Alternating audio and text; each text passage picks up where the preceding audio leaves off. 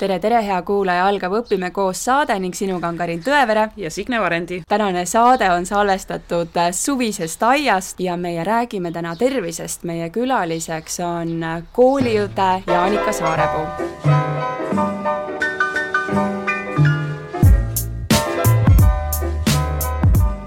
tere, Jaanika! tere! Jaanika, kuidas sai sinust kooliõde ehk siis terviseõde? mina olen tegelikult võrukas, käisin Võrus koolis ja ma teadsin üsna varakult, et ma tahan tegeleda meditsiiniga. ja noh, ma ei olnud enda jaoks läb, nagu mõelnud selle välja, et kas ma olen nüüd õde või, või, või siis arst või, aga igastahes meditsiin huvitas mind. selle tõttu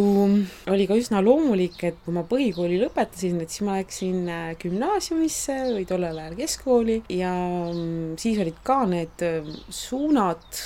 ja valisin muidugi siis loodussuuna. seal küll meditsiinile nii palju rõhku ei pandud, aga see oli ikkagi kuidagi huvitav ja mulle nagu loomomane. peale gümnaasiumi mm, tegelikult tahtsin ma Tartusse tulla õppima psühholoogiat, aga juhtus niimoodi, et ma ei saanud psühholoogiasse sisse e,. muidugi enesetunne oli väga kehv, aga mõtlesin, et ma sellist aega raisku ei lase kuidagi, ma ei tea, tuli see info, et see meditsiinikool, et, et hea küll, et ma siis olen aastakese seal ja küll ma siis äh, järgmine aasta proovin kindlasti psühholoogiat õppida. astusin sisse Tartu meditsiinikooli õenduserialale ja oh üllatust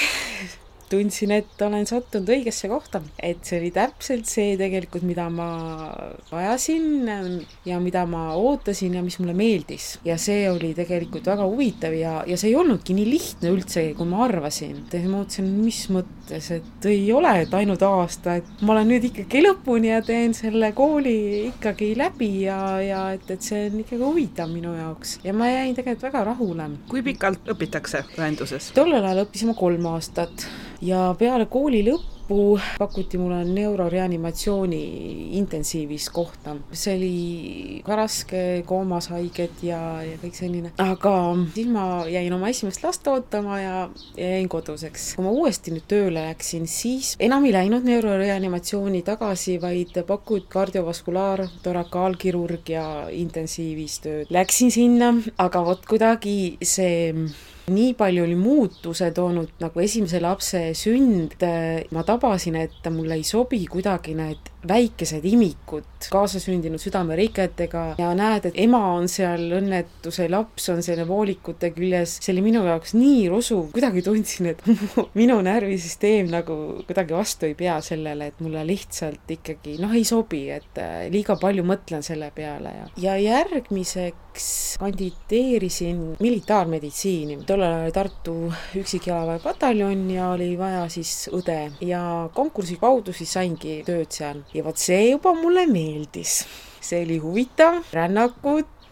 selline ja ma hakkasin tähele panema, et mulle meeldib niisugune esmaabi ja selline väljaõpe ja õpetamine. tundsin kohe, et kuidagi, et, et huvitav nende tervete inimestega, aga siis mingite oskuste õpetamine, et see kuidagi käib minuga nagu kokku. ja, ja no tõesti oligi hästi huvitav aeg, aga see ei olnud väga pikalt ei kestnud, sellepärast et pataljon likvideeriti ja siis mind suunati Võrru Kuperjanovi üksikjalaväepataljoni, aga kas ma olin siis saanud nii-öelda kaks aastat juba maitse suhu, et mis see töö nagu on ja need sellised huvitavad asjad ära, et turvamised, sai isegi ka lasta relvast, et noh, sellised äh, rännakutel osaleda ja, ja niisuguseid põnevaid asju ja ka seal kuidagi see laatsaretis selline töö sõduritega põhimõtteliselt nagu haiglas, aga noh, ma sain aru, et, et selline elu mulle nagu väga ei, ikkagi ei meeldi, et ja siis ma jäin teise lapsega koju mõneks ajaks. kui laps sai nelja-aastaseks, siis ma olin ka pool aastat töötervishoiu õena. Eh, see oli ka huvitav töö, aga jälle ma tabasin, et selline esmatasandi meditsiin mulle nagu meeldis. sai autoga sõita ringi ja käia töökohtades ja inimestele jälle siis tervisenäitajaid kontrollida ja siis neid õpetada ja, ja nii edasi, et aga noh, lihtsalt väikse lapse kõrvalt niisugused eh, tegelikult päevad kujunesid pikaks ja ei sobinud mulle ja ma pidin sellest ka loobuma. no ma sain ka aru, et mulle kuidagi meeldib selline esmatasandi meditsiin, et mul oleks nagu võimalus tõesti teadmisi jagada, eh, õpetada, õpetada ja siis ma mõtlesin, et kus võiks olla selline valdkond ja siis ma mõtlesin, ahaa, aga koolis, koolis ju peaks ka olema keegi õde või kuidas see siis on, et see oli kaks tuhat seitse oli see aasta ja mul oli väga kindel visioon tekkis, milline võiks olla koolis üks õde. inspiratsiooni muidugi sain sellest militaarmeditsiinist, et selline esmaabi väljaõpe kindlasti, elustamine, haava sidumised ja anda esmaabi. noh, oh üllatust oligi, et vaatasin ükskord Postimehe kuulutusi, seal oli, et Tartu koolitervishoid otsib õdesid kooli ja jällegi helistasin ja kandideerisin ja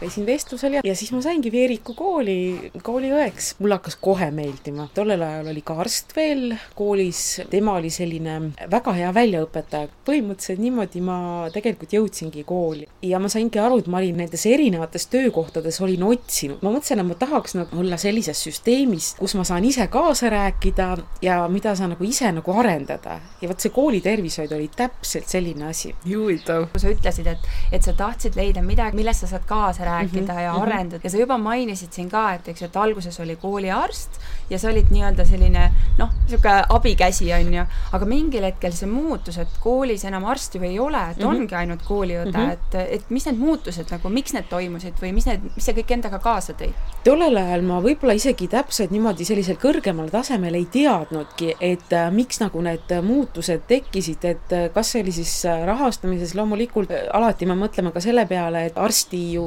kvalifikatsioon ja, ja see tasu ka selle eest on ju oluliselt kõrgem kui õel. võiks öelda justkui see oleks nagu mingi halvas mõttes, et noh, et valime nüüd sellise odavama variandi, et ma arvan, mitte nii päris, aga noh, võib-olla ka mängis rolli see. kahe tuhande kümnendal aastal tuli ka välja uus kooliõdede, koolitervishoiu jah, tegevusjuhend ja, ja sealt tekkis ka see, et siis need kooliarstid siis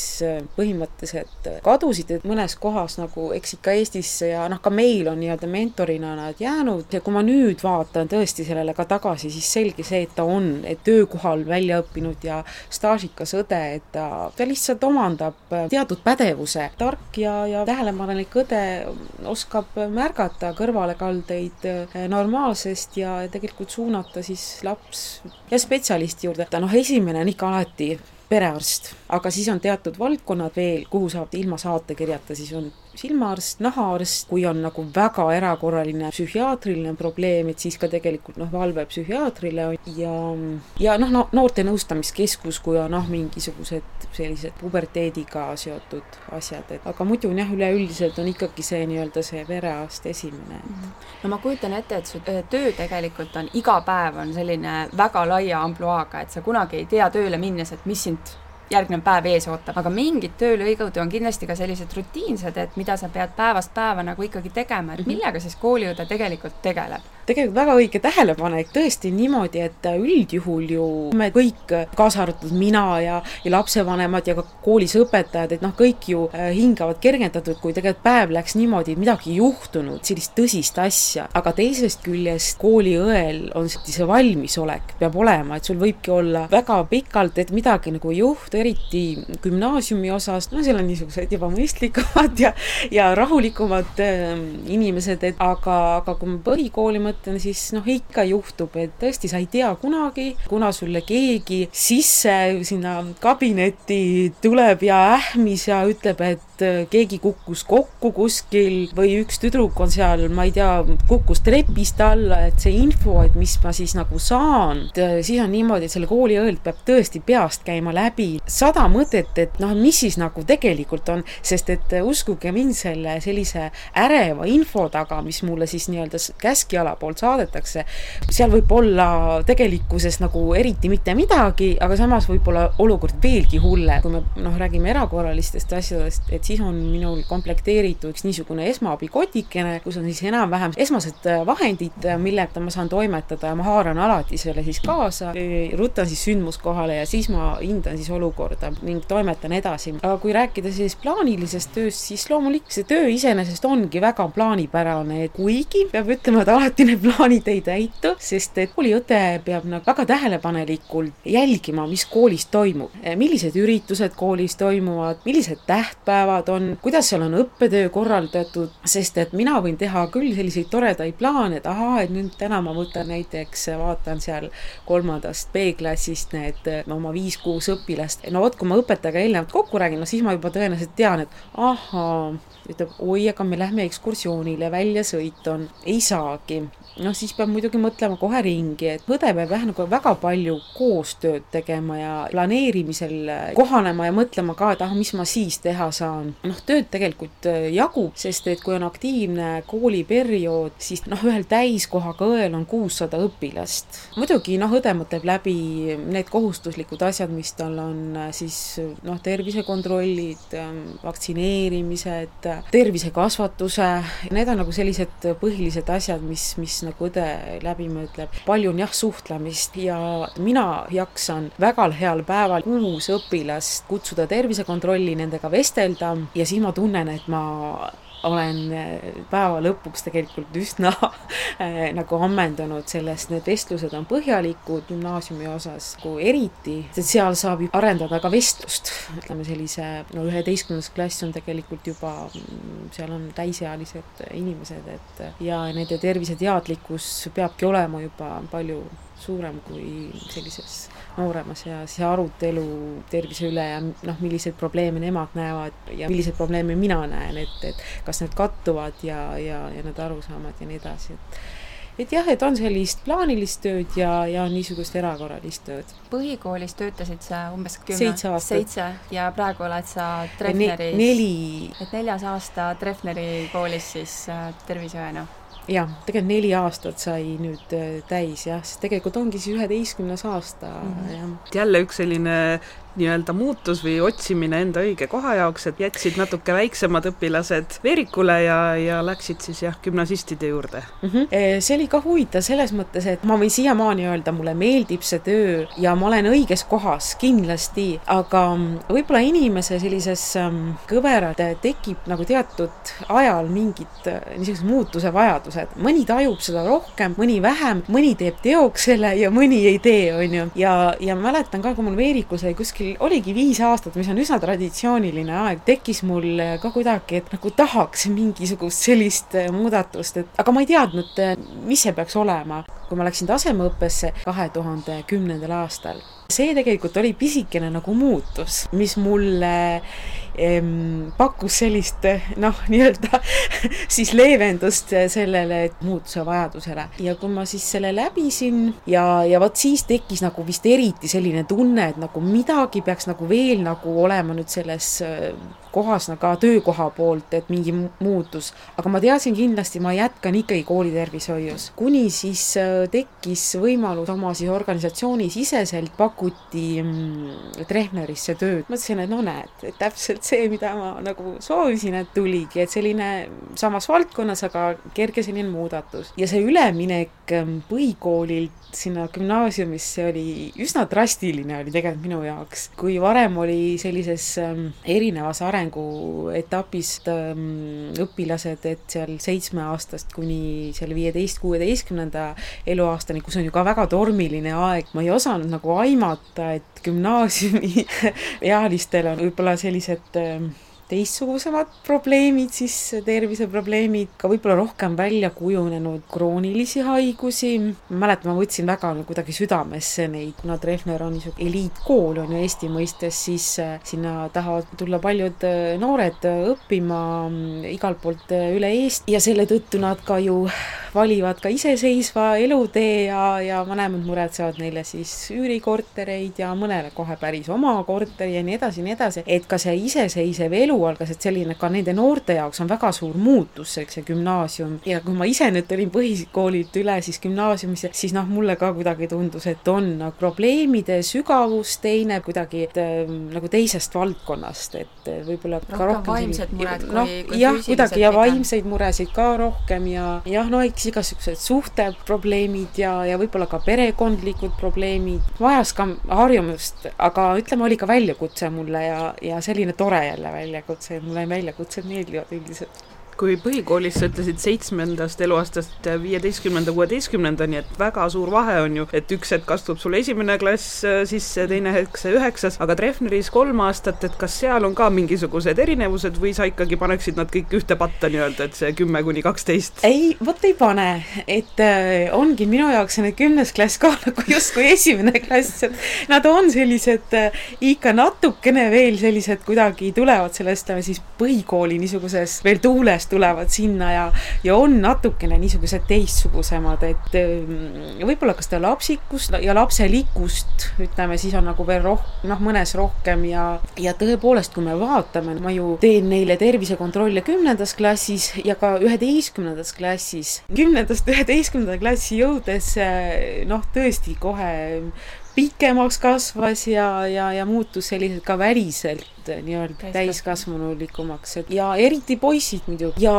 vaimselt, no mõni on ikka väga iseseisev kohe ja nii täiskasvanulik ja selline väga, kohe sa näed kuidagi vastutustundlik, aga teine jah, võib-olla tõenäoliselt võib-olla veel ka kaheteistkümnenda lõpetades ei olegi nagu saavutanud, no see on juba inimese individuaalne omapära. Jaanika, aga kuidas on selle tervisekontrolliga ja see õpilase tervisekaardi täitmisega, et sina täidad seda, kas perearstid seda näevad ja räägi sellest ka lähemalt mm. -hmm. kooliõel on siis ähm, seadusega kohustus teha tervisekontrolle esimeses klassis, kolmandas klassis, seitsmendas klassis ja üheteistkümnendas klassis. tervisekontroll äh, on siis äh, vestlus, seal on muidugi läbivaatus äh, või siis ütleme noh, terviseparameetrite märkimine, pikkus, kaal, silmanägemine, vererõhk, rühi hindamine, rühivaatlus, lihaskonna vaatused, selline visuaalne, siis ähm, on küsitlus kõrvakuulmise kohta, hammaste hügieen, hamba ravi osas ja siis on terve rida küsimusi igasuguse eluviisi eh, noh, puudutavate teemade kohta, siis uni, hügieen mm,. ilmselt toitumine ja toitumine, liikumine, liikumine, nagunii eh, vaba aja tegevused, hobid, mm, vaimset tervist eh, peab ka õde hindama, iga õde konstrueerib nagu oma selle tervisekontrolli, äh, kogu selle protsessi nagu enda jaoks üles selliselt, nagu, nagu talle tundub, et ta saab infot kõige rohkem õpilase käest. muidugi on meil abistavaks ka niisugune asi nagu terviseküsitlus, kus on kümne, viieteistkümne küsimuse jagu äkki küsimusi ja mis hõlmab ka igat valdkonda, et ja see on ka päris hea selline variant, millega näiteks vestlust alustada ja kus siis äh, näha, et, et kas on mingeid probleeme või ei ole. Ja noh, loomulikult ka muidugi siis ka küsimused ekraaniaja kohta. Ja ekraaniaeg siis tähendab seda, et kõik need äh, arvuti, nutitelefon, äh, telekas, need Playstationid, Xboxid, noh, mis iganes, ja me teame seda, et see on, on tegelikult ju tänapäeval suur probleem mitte ainult laste seas, vaid kogu, ütleme siis sellises elanikkonnas. ja nüüd tervisekaart, et äh, on olemas tõesti paberkandjal tervisekaart, aga see tervisekaart on küll nüüd oma vormilt ikka hirmus vana juba ja seal on nagu ruumi selliseks rohkem niisuguseks, ongi füüsiliste näitajate nagu kirjutamiseks ja märkimiseks üles. teine nüüd koht, kuhu õde märgib, on elektrooniline infosüsteem ehk siis EKTIS, eks nimetame meie seda. seal on nüüd sellist vaba pinda rohkem, seal on selline tervisekontrolli kaart, kus on ka need füüsilised näitajad ja siis psühhosotsiaalsed ala siis lõigud, et mille siis abil jällegi õde saab nagu küsimusi esitada. küsimusi seal muidugi ees ei ole jällegi, aga lihtsalt õde noh, näeb ära lihtsalt, mida tal siis vaja täita on ja, ja mida on siis vaja küsida. mina ei ole ka päris no, rahul selle EKTISega, ta on liiga niisugune diagnoosi ja võib-olla ka arstikeskne, et ta võiks olla rohkem õenduskeskne. siiski seal on ka selliseid häid asju, ütleme nii, et arenemisruumi on, aga, aga ta siiski praegult on selline noh, ainus ikkagi selline töövahend, mida kasutada ja mis õele on siis nii-öelda abivahendiks. noh, nüüd on alati see küsimus, et tervisekontroll, et kas siis noh, õde, et, et kui ta vestleb õpilasega, et kuidas ma siis noh, nii-öelda tipin samal ajal siis seda arvuti klaviatuurile, et kas see on siis, kas ma ikkagi siis nagu olen kontaktis selle õpilasega või ei ole, et ma saan rääkida enda kohta, mul on oma süsteem, et äh, ma panen märksõnad siiski kirja koheselt, et ma pärast siis äh, saan nende märksõnadega tegeleda edasi, mõelda seda sõnastust, aga ma püüan õpilasele alati küsimust esitades ja vastust kuulates silma vaadata ja kui ma olen lõpetanud selle ühe teema, siis tõesti mõned märksõnad märgin ja, ja siis me liigume edasi, et äh, ma tahaks loota, et õpilased ei tunne noh, minuga vesteldes, et ma tegelikult rohkem vestleks või suhtleks just kui arvutiga. kui ma lõpetan või siis noh, peale nende tervisekontrollide siis lõppu, et siis viimase tunni või pooleteise ajal siis ma püüan siis täita ära need elektroonilised kaardid ja vajutan siis nii-öelda allkirjastamisnuppu, siis, siis nad liiguvad ka üldisesse infosüsteemi ja sealt peaks kätte saama ka siis eh, info nii õpilane ise, kui ta on nüüd täisealine, siis kindlasti ja alaealise siis õpilase puhul noh, on siis lapsevanem see, kes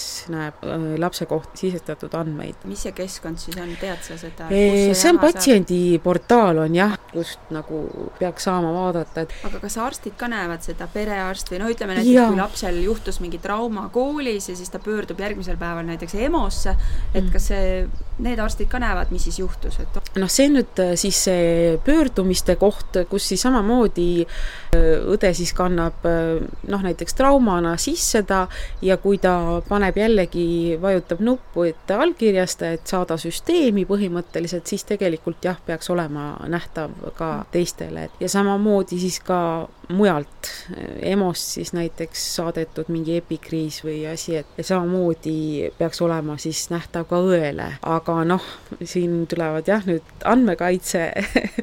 asjad äh, mängu juba, et õel siis koolis peavad olema lihtsalt nagu see luba või nõusolek äh, lapsevanemalt, et ta tohib vaadata ja töödelda neid terviseandmeid kuidas üldse on selle tervisekaardi täitmisega, et äh, ma tean äh, klassijuhatajana, et sügisel ma annan lastevanematele allkirjastamiseks äh, hambaarsti käimise nii-öelda sellise nõusolekupaberi, et hambaarst, kui koolis on hambaarst, et siis küsitakse luba, et kas võib nii-öelda vaadata vajadusel siis ka ravida seal hambaid, aga see tervisekaart, see on ikkagi kõigile ja seal mingit sellist luba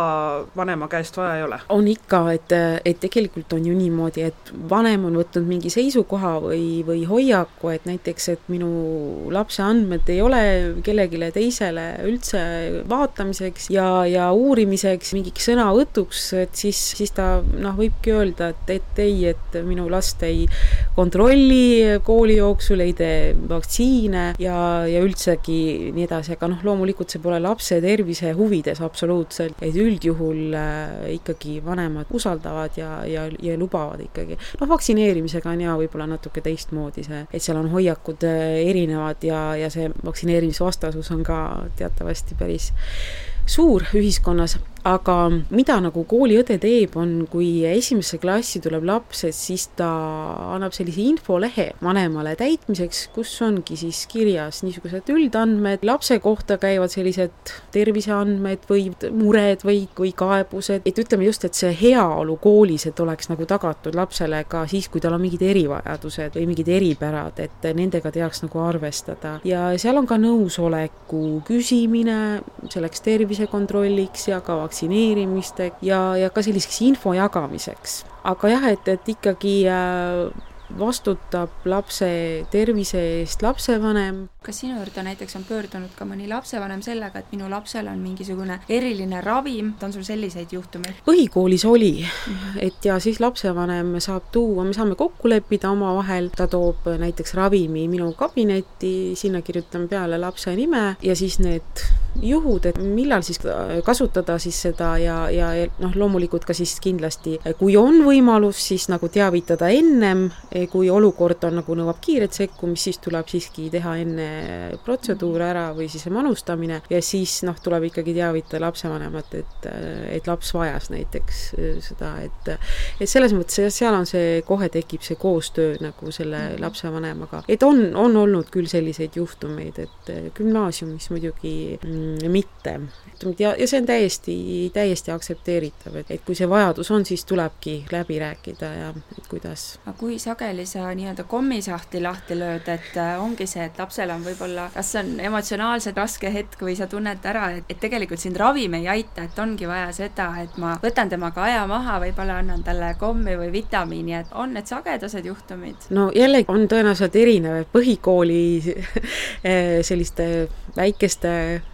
inimeste puhul on selge, et nendel väljendub niisugune emotsionaalne psühhosomaatilised jah, jah, psühhosomaatilised või, või siis kuidagi emotsionaalne seisund äh, või selline halb tuju, et väljendub noh, ka niisugusest ju peavalus või mingisuguses kõhuvalus, on ju, millel tegelikult ju orgaanilist põhjust ei ole tõenäoliselt, et aga mm, noh, nende puhul aitab täpselt see, et sa tegelikult kuulad ära, vestled ja mina, noh, mina ei mäleta, et ma ise nii oleks jaganud mingit vitamiini või, või sellist, et kuidagi mulle tundus nagu piisaski, et ma nagu vestlesin ja, ja, ja teinekord andsidki nagu juua või siis äkki glükoositableti hoopis, et aga, aga üleüldiselt ja, ja noh, vana hea võte ju, et kui on mingi väikene haavakene, noh, plaaster on parim ravim, mis üldse olla saab, et võttis kohe pisara ära ja, ja venitas selle naeratuse näole, et, et ja, ja kõik oli nagu lahendatud. gümnaasiumiealiste puhul, no siin on ikkagi, on ka, et tulebki lasta rääkida, kui on vaja, siis tuleb lasta nutta. Ja, ja, ja, ja ongi, et äh, seal noh, ei aita enam muidugi niisugused äh, sellised platseebo asjad, et äh, seal tuleb lihtsalt ikkagi aeg maha võtta ja, ja, ja, ja väga tihti, mitte väga tihti, aga ikkagi on neid olukordi, kus ma lükkan oma plaanilise töö, et, et peab tulema õpilane tervisekontrolli, nii-öelda plaanilisse tervisekontrolli, aga pean talle ära ütlema, et noh, et vabandama, et teate, et tõesti, mul tuli üks erakorraline asi ette, et, et kas sa saaksid tulla järgmine tund näiteks, et äh, ma pean vestlema ja, ja ongi, ja nii ongi lihtsalt, ega muud teist, teist lahendust nagu ei olegi, et ja siis äh, noh, selle probleemi siis äh, hindamisel ja, ja koostöös siis õpilasega tuleb leida need äh,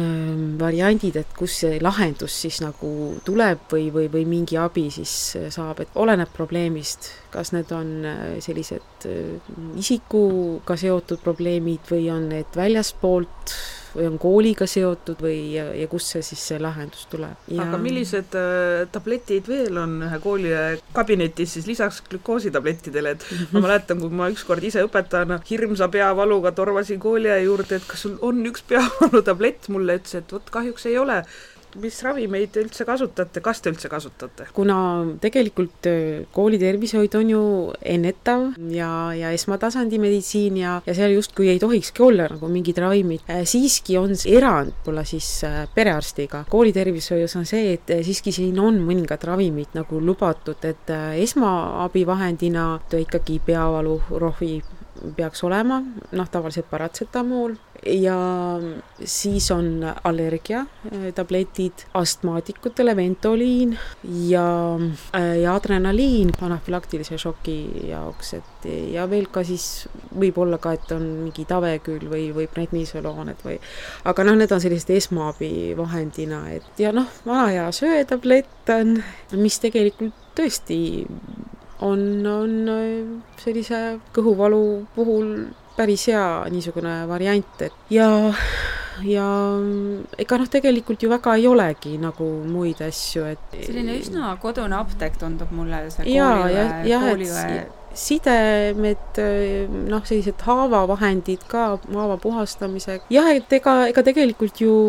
ei, ei, ei ole, et on mõningates koolides mõnikord noh, muretsetakse ka mingeid muid ravimeid, noh näiteks ka personalile, aga siis need peavad kindlasti rangelt lahus olema siis nendele õpilastele manustatavatest ravimitest. kas koolipersonal võib pöörduda kooliõe kabinetti või ikkagi kooliõde on ainult laste päralt? vot see on ka nagu hea küsimus, et raha eral-, kui me nüüd raha juurde läheme mm, -hmm. siis äh, raha eraldatakse puha ikkagi ainult ju õpilaste peade pealt ja õpilaste jaoks ja, ja kooliõde on justkui eelkõige ikkagi ainult nagu õpilaste jaoks. aga noh, ta on ju tegelikult ju koolikeskkonnas ainukene tervishoiutöötaja ja mina ei näe küll selles mitte mingisugust probleemi, et äh, sinna kabinetti või õe poole pöördub, siis ükskõik kes koolipersonalist, olgu see õpetaja, juhtkonnast keegi, koristaja, töömees, mida iganes, et mina ei ole veel kedagi saatnud äh, ukse taha ja, ja ma ei ole kuulnud, et äh, keegi teine õdedest ka oleks seda teinud. et see on kuidagi, vot see vist on nagu selline elukutseline niisugune sisemine selline vajadus või, või, või, või selline tunne, et ma pean abistama nagu ükskõik keda, et kes, kes vajab seda abi. no see käib teie ametiga kaasas, ma kujutan ette, et kui kuskil seltskonnas oled ka väljaspool oma seda meditsiinikabinetti, siis juttu tuleb ikka ju tervisest, igaüks kurdab midagi ja oskad nõu anda, on nii? ja ongi niimoodi ja, ja tegelikult ongi ju vahest ka hea kuulata, kui sa näiteks oled ainult äh, ju põhikooli laste peal, siis noh, lastel on ju lastehaigused, omad mingid asjad, kui personal on ikka täiskasvanud inimesed, inimesed ja seal noh, on ka erinevaid variante, et siis mõnes mõttes see natukene hoiab ka nii-öelda jah, silmaringi nagu laiemana, et ja ikka muidugi, sest me oleme ju saanud sellise üldmeditsiinilise väljaõppe ja, ja, ja ega siis need teadmised ju tegelikult kuhugi ei kao ja üks kooliõde tegelikult tänapäeval peab äh, olema väga kursis äh, ikkagi kogu selle infoga, mis tuleb, me ju tegelikult kõik teame, et me lööme lahti selle interneti, ükskõik millise saidile me ei lähe, et noh, et kaalust alla sellega, kaalust alla tollega, liikumine, dieedid, sööge seda, tehke seda, et ähm, ja siis tulevad juba mõne aja pärast vastupidised väited, et kooliõde saab tegelikult nõustamisel siiski lähtuda tõenduspõhisest infost ja, ja see ei saa olla selline, et noh, kuskil keegi lihtsalt kirjutas või, või naabrinaine rääkis või mida iganes, et see, see ei saa põhineda sellisel või mingitel vanadel müütidel või, või, või et see, see, see ei tule kõne allagi, et ähm, seetõttu jah, aga samas võib olla kooliõde siiski kursis, et noh, millised jutud või müüdid liiguvad üldse, et et siis teada ka, et mida siis nagu ümber lükata või, või mida iganes, et jah, et see, see valdkond valdkond iseenesest on ju kõik, noh, see on niivõrd lai, absoluutselt tegelikult kõik noh, toitumine, liikumine, uni, selline mm, vaimne tervis, sotsiaalne, füüsi-, noh, kõik, kõik asjad, mis puudutavad, et mina, mina ise paralleelselt oma tööga pidevalt tegelikult ma uurin, mul endal isiklikult on väga hea asi, mille üle ma olen tohutult õnnelik ja rahul, kui ma tasemeõppes käisin, et siis lõputööks oli mul vaja otsida andmebaasidest teadusartikleid ja, ja siis ma tollel ajal liitusin kuidagi päris mitme teadus selle, sellise andmebaasiga ja sealt tuleb mul siiamaani siis sellist tõenduspõhist infot ja noh, muidugi see on inglisekeelne, aga tänapäeval tulebki ka seda keelt osata, et sest eesti keeles meil ei olegi nii palju seda materjali ja, ja, ja siis sealt mina, mina tegelikult, kui mul tekibki vaba momenti, uurin ja vaatan, mis just puudutab ka minu sellist valdkonda. kui palju sa oled ennast täiendanud vaimse tervise alal, et sa ütlesid ju kunagi, et sa mõtlesid minna minna psühholoogiat mhm. õppima ja nüüd tegelikult sa ju tegeled sellega, et sa ütlesid, kui ma näen, et tuleb uksest sisse, on vaja rääkida, nutta ja ma võtan selle tunni ja, ja kuulan ja et sa nagu juba teed seda kõik, kas sa täiendad ka ennast sellel alal? mul on siiamaani on mul väga endale isiklikult tohutult meeldib see vaimse tervisega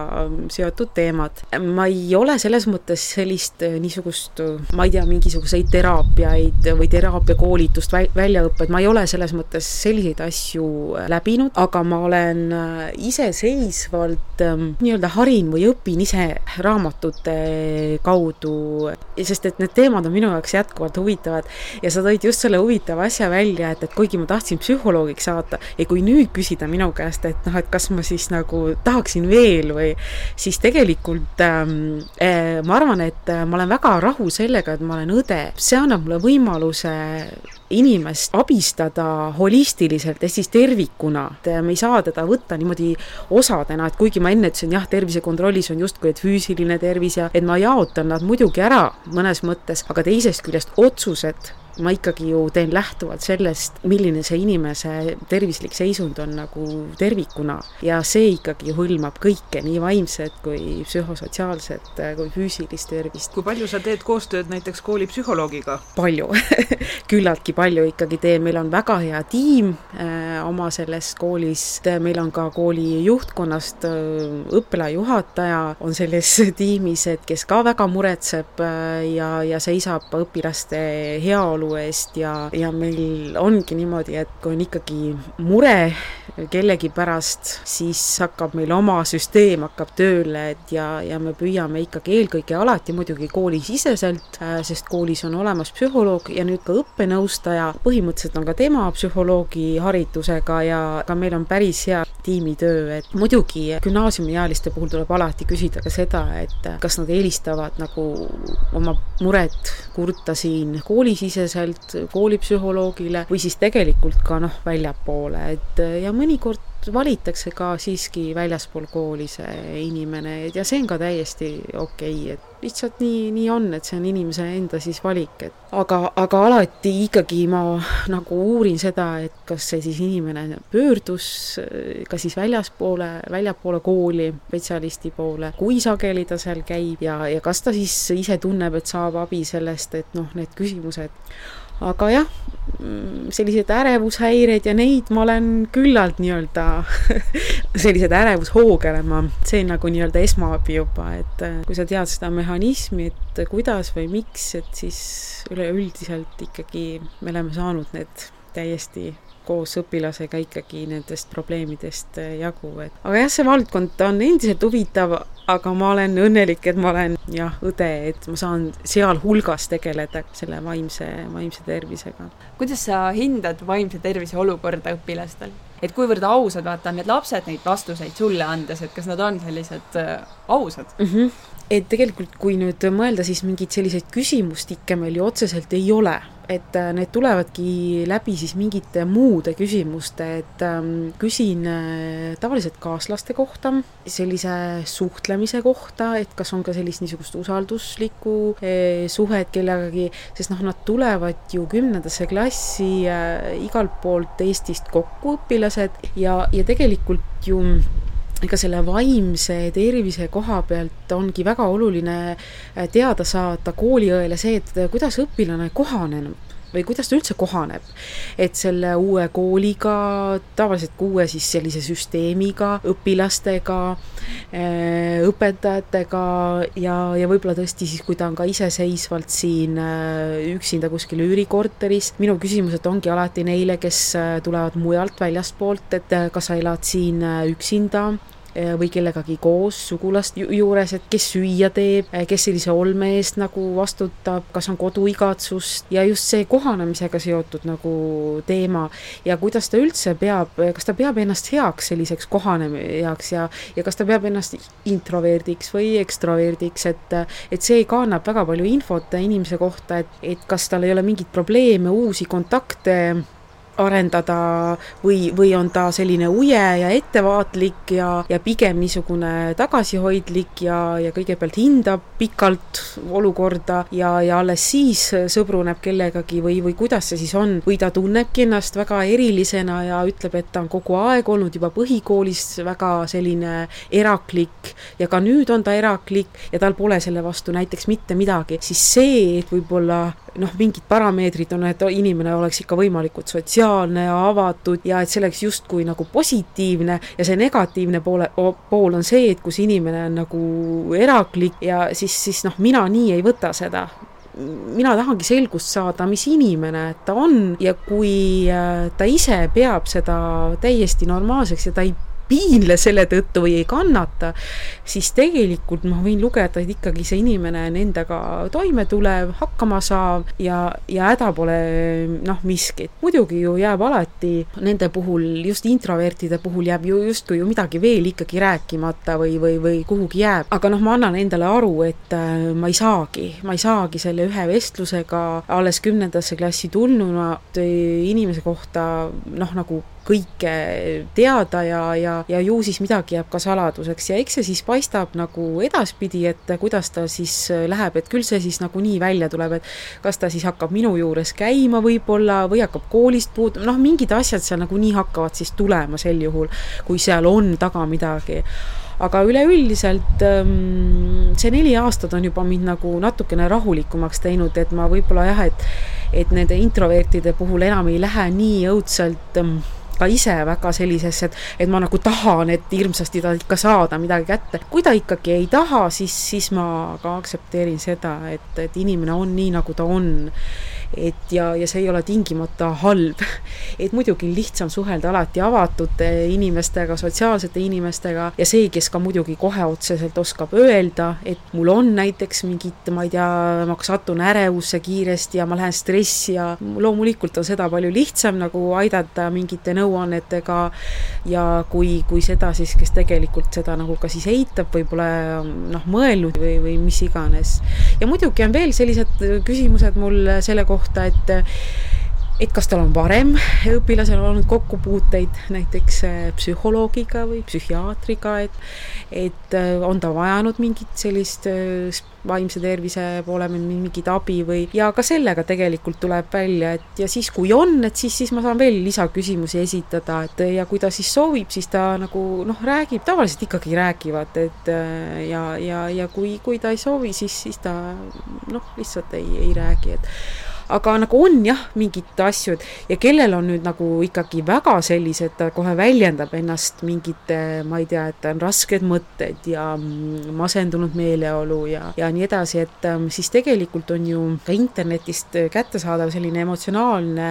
mm, küsimustik, seda võib tegelikult kasutada, õpilane täidab ära selle ja ja sealt võib ka tulla välja, et kas siis on siis kerged sellised mingisugused kas siis ärevusele viitavad sümptomid või, või siis siis unehäired või, või midagi, või siis depressioon või noh, masendusele, sest no muidugi loomulikult ju kooliõde, üks asi on kindel, et kooliõde ei diagnoosi, aga, aga ta saab sellise sümptomaatika põhjal siis natukene siis nagu aimu, noh, küsimustike kaudu siis saab teada, et kui tõsine see olukord tegelikult on ja kas äh, õpilasel on need sellised ressursid endas olemas, et ta saab hakkama või ta tegelikult vajab abi. aga kuivõrd äh, need Eesti noormehed ja nüüd ka neiud, kes äh, tegelikult gümnaasiumi lõpetavad ja lähevad ju kaitseväkke, et kas nad on terved, neil on võimekus olemas või järjest me jääme viletsamaks ja nõrgemaks? no statistika ütleb muidugi, et järjest jääb äh, nõrgemaks, et noormeeste tervis ikkagi nagu noh, halveneb äh, ja selle tõttu on ju ka need kriteeriumid ja nõuded ju nagu ju, ju nagu, nagu natuke lõdve, jah, lõdvendatud, et, et sest muidu me ei saakski neid päris terveid ja ja noh, kindlasti äh, statistikat ma ei ole nagu otseselt teinud üldsegi laste tervise kohta, kohta sellist väga head statistikat ju noh, polegi nagu, et seda tõi ka välja kahe tuhande kuueteistkümnenda aasta see riigi audit siis äh, laste tervise kohta, et äh, ja, ja noh, mina nagu Haigekassale teen oma noh, aruannet oma kooli õpilaste kohta ja seal on teatud mingid asjad, mille kohta ma teen, aga, aga see kõik, mis jääb väljapoole, siis nagu tegelikult ju seda, seda ei ole, seda statistikat. ma olen kohanud nagu erinevalt, et on neid selliseid norm, noormehi, kes, kellel on mingi tegelikult tervisehäda, näiteks noh, migreen või midagi päris selline raskekujuline ja ta ikkagi käib minu juures sageli ja tahab seda peavalurohtu ja, ja, ja siis noh, mõnele ka ei aita see, et ongi vaja koju saata tegelikult, aga ometigi ta tahab nii õudselt minna sinna kaitseväkke, et see tahe on jällegi suurem. et võta sa siis kinni, et ähm, ja siis ta pelgab hirmsasti, et kas ikka need, kõik need tema andmed siin, et siis ma näitan, et vaata seda ajalugu, et mis sa siin minu juures selle kolme aasta jooksul käinud, et see on päris pikk, et et ma nimetan neid kuldklientideks niimoodi omavahel naljatades. Ja, ja siis ta nagu tunneb hirmu selle pärast, et kas, kas äkki võib-olla noh, ma ei tea, et ikkagi tuleb no, pärast ma, et jah, et äkki tuleb takistus. Ja, ja ma mõtlesin, et ikkagi loeb see nagu tahe ka, et ja noh, muud faktorid ka ju ometigi, et aga, aga noh, ja siis, ja siis on samas ka ikkagi selliseid, kes noh, tegelikult võib-olla ei olegi tervislikke põhjused, aga noh,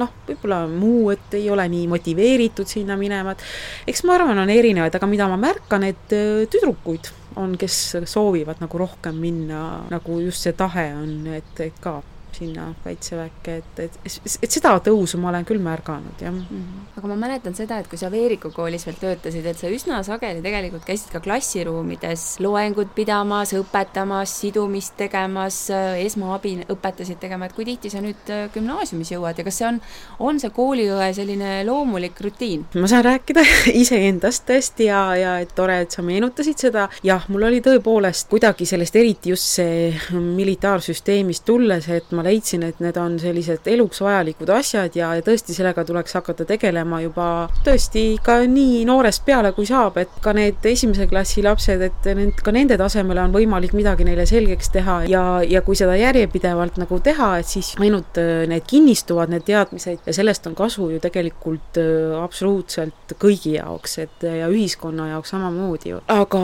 vot nüüd gümnaasiumisse tulles, no mul olid ka igasugused ideed ja mõtted, kõigepealt ma pidin saama nagu selgust, et mis seal gümnaasiumis siis toimub, et äh, esiteks see gümnaasiumi nii-öelda see õppesüsteem on pisut teistsugune, et äh, sinna ei ole õel nii lihtne, kuidas ma ütlen, oma asjaga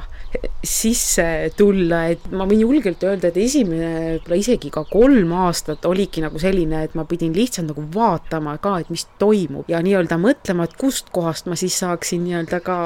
oma tarkusi jagada, et ja tegelikult ma leidsin ja kool pakkus ka ise seda võimalust, et äkki teisel aastal oli, et äh, see oli nagu vaba aine, oligi meditsiinikursus, ise ma mõtlesin siis selle, kogu selle ainekava välja, et mis võiks huvitada, need teemad, ja otsisin ka inimesi ja, ja osa teemasid, noh, vestlesime nagu ise õpilastega. üldiselt ma loengu vormi, õppevormina nagu väga ei poolda, et mulle endale meeldib pigem selline seminar või niisugune või noh, nagu selline vestlus või jah, praktiline või siis ka vestlusvorm, et ja sai ka väitlusvormi kasutatud, et aga nii, et ma sain selles mõttes käevalgeks ka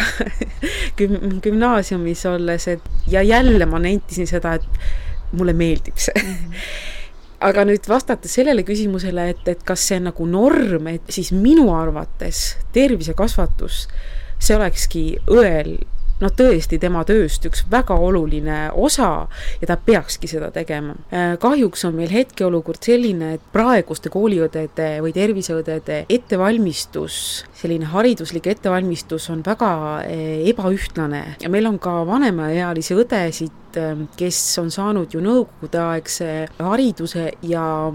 nendele pole võib-olla ka nii omane selline õpetamine ja klassi ees just. Nad eh, hea meelega võib-olla kutsuvad küll enda juurde kabinetti, kui kabinet võimaldab seda ja mingeid aineid käsitletakse, aga klassi ette minema on, on võib-olla siiski veel või siis ütleme just eitavas vormis, et ei ole veel nagu kõik siiski noh, võimelised, võib-olla ei ole seda tahet ja võib-olla ka ei ole sellist esinemisjulgust. Teadmisi kindlasti on, aga inimesed ei julge lihtsalt klassi ees. ja siis, kui õde ei ole näidanud ennast sellest küljest ja seda tahet ja valmisolekut, siis tegelikult ka võib-olla kool ei äh, oskagi talle siis enam nagu ka pakkuda ja, ja, ja siis ta jääbki kuidagi niimoodi soiku, et äh, ja siis ta ei lähegi käima. teine asi on äh, see õe aktiivsus, ütleme, tervisemeeskonnas, kui koolis see on, et siis seal saab nagu ka sellist noh, üles näidata niisugust aktiivsust, sest et noh, lisaks klassi ees olemisele on ju ka muid terviseüritusi, muidugi loomulikult on ideaalne, kui õde on lausa algataja, aga noh, tiimitöös on selge, et üksinda ei tee midagi ära, et see peab kaasa tulema nagu ka teised, et mõni on võib-olla ka projekte abistanud kuidagi kirjutada ja siin nagu kõigi eest on mul nagu raske rääkida, aga noh, üldiselt seda, mida ma tean, et kindlasti on selliseid väga toredaid ja aktiivseid ja kohe tahtmist täis õdesid, kes osalevad ja kes teevad, algatavad ja, ja noh, ja on neid ka, kes siis tõesti mis iganes põhjusel ta lihtsalt tunneb ennast kindlamalt seal tervisekabinetis. jah, ja ta teebki seda individuaalset tööd, mis ähm, noh, tõenäoliselt kannabki ju ka vilja, aga mina isiklikult jah, nagu näen seda, et, et siiski see roll tervise nii-öelda sellise inimese õpetuse, õpetaja eh, sellise kaastöö või või noh, partnerina ütleme, näen küll õde ja, ja ka muidugi klassijuhataja partnerina ikkagi teatud teemade puhul, et seksuaaltervis, no jällegi absoluutselt, kindlasti on selles valdkonnas õde oluliselt pädevam, ka toitumise osas kindlasti ja noh, vaimse tervise osas võiks teha ju psühholoogiga mingit koostööd, sotsiaalpedagoogiga, samamoodi ka see ekraani aeg ja nii edasi, et et äh, jah, mina, mina näen ja, ja tõesti võib-olla initsiatiiv peaks tulema nagu esialgu temalt, sest muidu ei tea ju kool üldse tahtagi mm. või, või, või küsidagi üldse sellist abi. aga sa ise oled selline eesrindlik, sa oled ikkagi väga-väga tubli ja tunnustatud äh, kooliõde, et kuivõrd palju sa nagu räägid kaasa just seesamas kõikide kooliõdede eest või kas sa esindad, kuulud sa mingisse organisatsiooni mm, -hmm. sa ütlesid, et äh, tervisekaardid, et võib-olla on vananenud, et mhm. tuleks uued teha -hmm. et kui palju te nagu panustate, saate kaasa rääkida? Rääkida? ma sain liituda Haigekassa töögruppi, eh, mis on siis koolitervishoiu tegevusjuhendi kaasajastamise töögrupp. ja vot seal me siis nüüd tõesti vaatamegi läbi, et eh, millised punktid vajavad siis kaasajastamist, mida siis välja jätta üldse, mis ei tööta võib-olla, tegevusjuhend võiks olla abivahend õele et selles mõttes mina isiklikult Panustan. jah, panustan ja saan nagu kaasa rääkida, ka olen kaasanud oma kolleege, et eriti alguses, et mida nagu nemad arvavad ka, et saatsin samamoodi laiali meiliga siis info, et parandusi, muudatusi, mida teie nagu olete märganud oma töös, et oleks vaja muuta või, või juurde vaja või, või mida iganes, et et selles mõttes ma olen kaasanud ka oma kolleege ja kui nüüd organisatsioonist rääkida, siis ma tegelikult ähm, astusin ka Eesti Õdede Liitu ja seal on meil nüüd ka plaan selle katusorganisatsiooni all moodustada siis veel ühe allüksused, mis, mis hakkaks ikkagi kooliõdede huvide eest seisma, üldsegi, et see kooli tervishoid mulle meeldiks rohkem, kui selle nimi oleks kooliõendus näiteks, et minu jaoks nagu kuidagi õendusele lähemal ja noh, mis tegelikult ju väljendabki seda, seda tööd, mis, mis koolis on. et selline, selline plaan on meil ka. eks siis paistab, et praegult on selline aktiivsem grupp, kes sellega tegeleb, aga kas see vajadus siis nagu laieneb ka ikkagi noh, kõikidele kooliõdedele, et see on nüüd see teema, millega me siis tegelema järgmisena hakkame kui palju on kooliõenduses mehi töötamas, et ma praegu kohe mõtlen, et noh, mina ei tea ühtegi näiteks, on ju, ja, ja siin gümnaasiumis täisealised mehed käivad sinu kabinetis, et kas oleks üldse vajadus mees kooliõdede vastu, et mhm. kas on sul mingi aimdus selle kohta, et palju mehi on? mina tean ühte meest, minu arvates kuskil seal äkki Rakvere kandis või Lääne-Virumaal, kuskil seal on minu arvates. aga ma ei ole isiklikult temaga nagu noh, kohtunud ja aga ma lihtsalt olen kuulnud, et on. aga kui nüüd rääkida sellest, et kas siis kooli tervishoius või kooliõenduses peaks olema ka meesõdesid, ma ei oskagi sellele isegi vastata, ma pole võib-olla selle peale nii väga mõelnudki, et ütleme nii, et kui nagunii see tervishoid on natukene, ongi nagu pisut feminiinsem, et perearstid on ka ikkagi enamuses on nagu naisarstid ja ja kirurgid on nagu mehed ja, ja selline, et kas ei, võiks mehi... seda nagu tasakaalu kuidagi, oleks vaja ei, seda? noh, vot ongi, et koolitervishoius on ka niimoodi, et äh, kuni selle aastani oli koolitervishoid alarahastatud, selles mõttes, et äh, kooliõed said äh, nii-öelda tasustatud ainult siis üheteist kuu eest aastas. ja tegelikult, kui me mõtleme seda, et ühiskonnas on niimoodi, et mees peab justkui ikkagi noh, olema see perekonna pea ja toit ja siis, siis ma arvan, et üks põhjus, miks ka neid mehi noh, väga ei olnud, ongi see, et tegelikult ju üks kuu noh, raha ei ole. ei saa öelda perele, et täna või ja. see kuu on nüüd väl, väljaminekut nulli. jah, et, et seda ei saa teha ja, ja see võib-olla ka see oli üks selline nagu takistus. teiseks noh, nüüd muidugi rahastus muutus, et nüüd on nagu kaksteist kuud ja tegelikult ka kooliõdedele laieneb ju see õdede miinimum ähm, tunnitasu kollektiivlepingu järgselt, et eh, selles suhtes noh, et ega see nüüd, see tasu nüüd enam nüüd nii madal ka ei ole, kui võib-olla aastaid tagasi, aga võib-olla on isegi see, et ma ei tea, võib-olla mingi hoiak või eelarvamus üldse selles suhtes, et et ühiskonnas ka ja tervikuna ka ja võib-olla need tervishoiutöötajate seas ka endi seas, et ja, ja võib-olla ka kui ma olen nagu kokku puutunud, siis mõnikord ei teatagi kooliõe tööst nagu ka väga palju, siis äh, võib-olla tundub, et kuidagi noh, nagu vähe noh, action'it ja, ja kuidagi, et noh, see kabinetis istumine no mis väljakutse see ikka on, et ma ei tea, ma ei oska öelda, ma lihtsalt praegult nagu tulistan, aga, aga tegelikult ma ei tea, et et mis need põhjused on, miks, miks nagu mehi meil äh, koolitervishoidu ei tule, aga äkki see muutub mingil hetkel, ma ei tea. kuna klassiõpetajaid ei ole ju ka mehi ja lasteaiakasvatajaid või noh, et tasakaalu kuigi jah, muidu õendusesse iseenesest, et tuleb ja, ja, ja, ja, aga nad jah, et, et ikkagi noh, ongi, lähevad sellistesse ägedatesse kohtadesse, intensiividesse, kiirabidesse ja, ja, ja sellistesse et.... aga samas jälle nagu siit välja tuleb, noh, meesõpetajaid on ju ka, kes noh, ei ole mhm, klassiõpetajad mm, -hmm. aga aineõpetajad ja kellel just meeldibki see õpetamise pool mm, -hmm. et siis see kooliõendus sobiks just neile, et ta saabki, et kui ta on nagu lihtsalt kuskil, ma ei tea, õena on ju mm -hmm. samamoodi haiglas mhm. palatis seal toimetab, noh, ma ei tea, kes see märkab teda seal on ju, aga kui sa oled koolis, on ju mees-õde ja sa saadki seal nii, davai, nüüd teed seda militaarasja natuke või mingeid koolitusi, loenguid, asju, et vot seal sa saad no, särada. vot ongi see, et väikse siis sellise organisatsiooni mõte on ka see, et ikkagi teha nähtavaks mm -hmm. siis kooliõdesid mm. -hmm et ja meie saade ka eesmärk on teha jaa, ma loodan ka, et, et see aitab sellele kaasa, et ja tegelikult, et noh, et, et see on huvitav jah, et ja, ja see, ja ta on mitmekülgne. Eestis on see probleem, et äh, igas koolis ei olegi üldse koolitervishoiuteenuse pakkujatki. Tavaliselt juhtub see siis maakohas olevat ja siis nad siis käivad tegelikult siis perearsti juures, aga noh, kui me nüüd vaatame selle õe rolli, noh, see, kes on kohapeal statsionaarselt, on ju, või siis see, kes on pereõde, no väga suur vahe on, et mm -hmm. kui see muu tegevus ka ikkagi seal koolis ja see kohalolek juba ja ja, ja noh, mina alati ikkagi äh, hõlman igasuguseid teemasid, äh, noh, tegelikult ma olen vestelnud ju pereõdedega, noh, ta ei küsi iialgi nii põhjalikult, mhm. et kuidas sa nagu, kuidas sa koolis kaaslastega läbi mhm. saad ja, ja kuidas sa õpetajatega läbi saad, kas sa tunned ennast nagu hästi selles klassis ja noh, et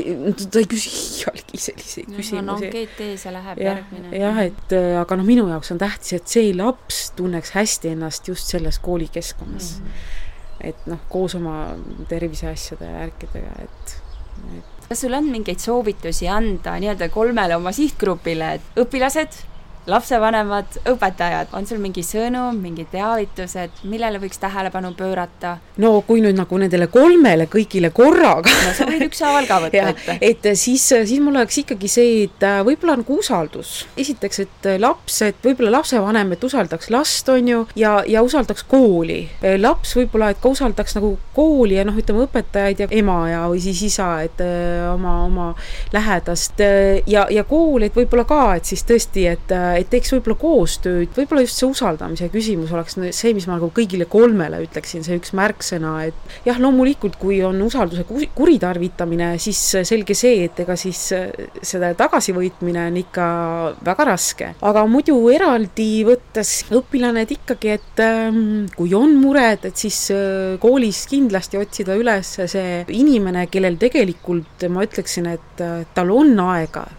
ja kui tal ei ole, ta võtab aega, selleks on kooliõde. ja, ja tema abistab küll noh, tõesti last on mures, ükskõik mis mure see siis ka ei ole, et isegi kui ka mingi halb hinne tuli, ma ei tea,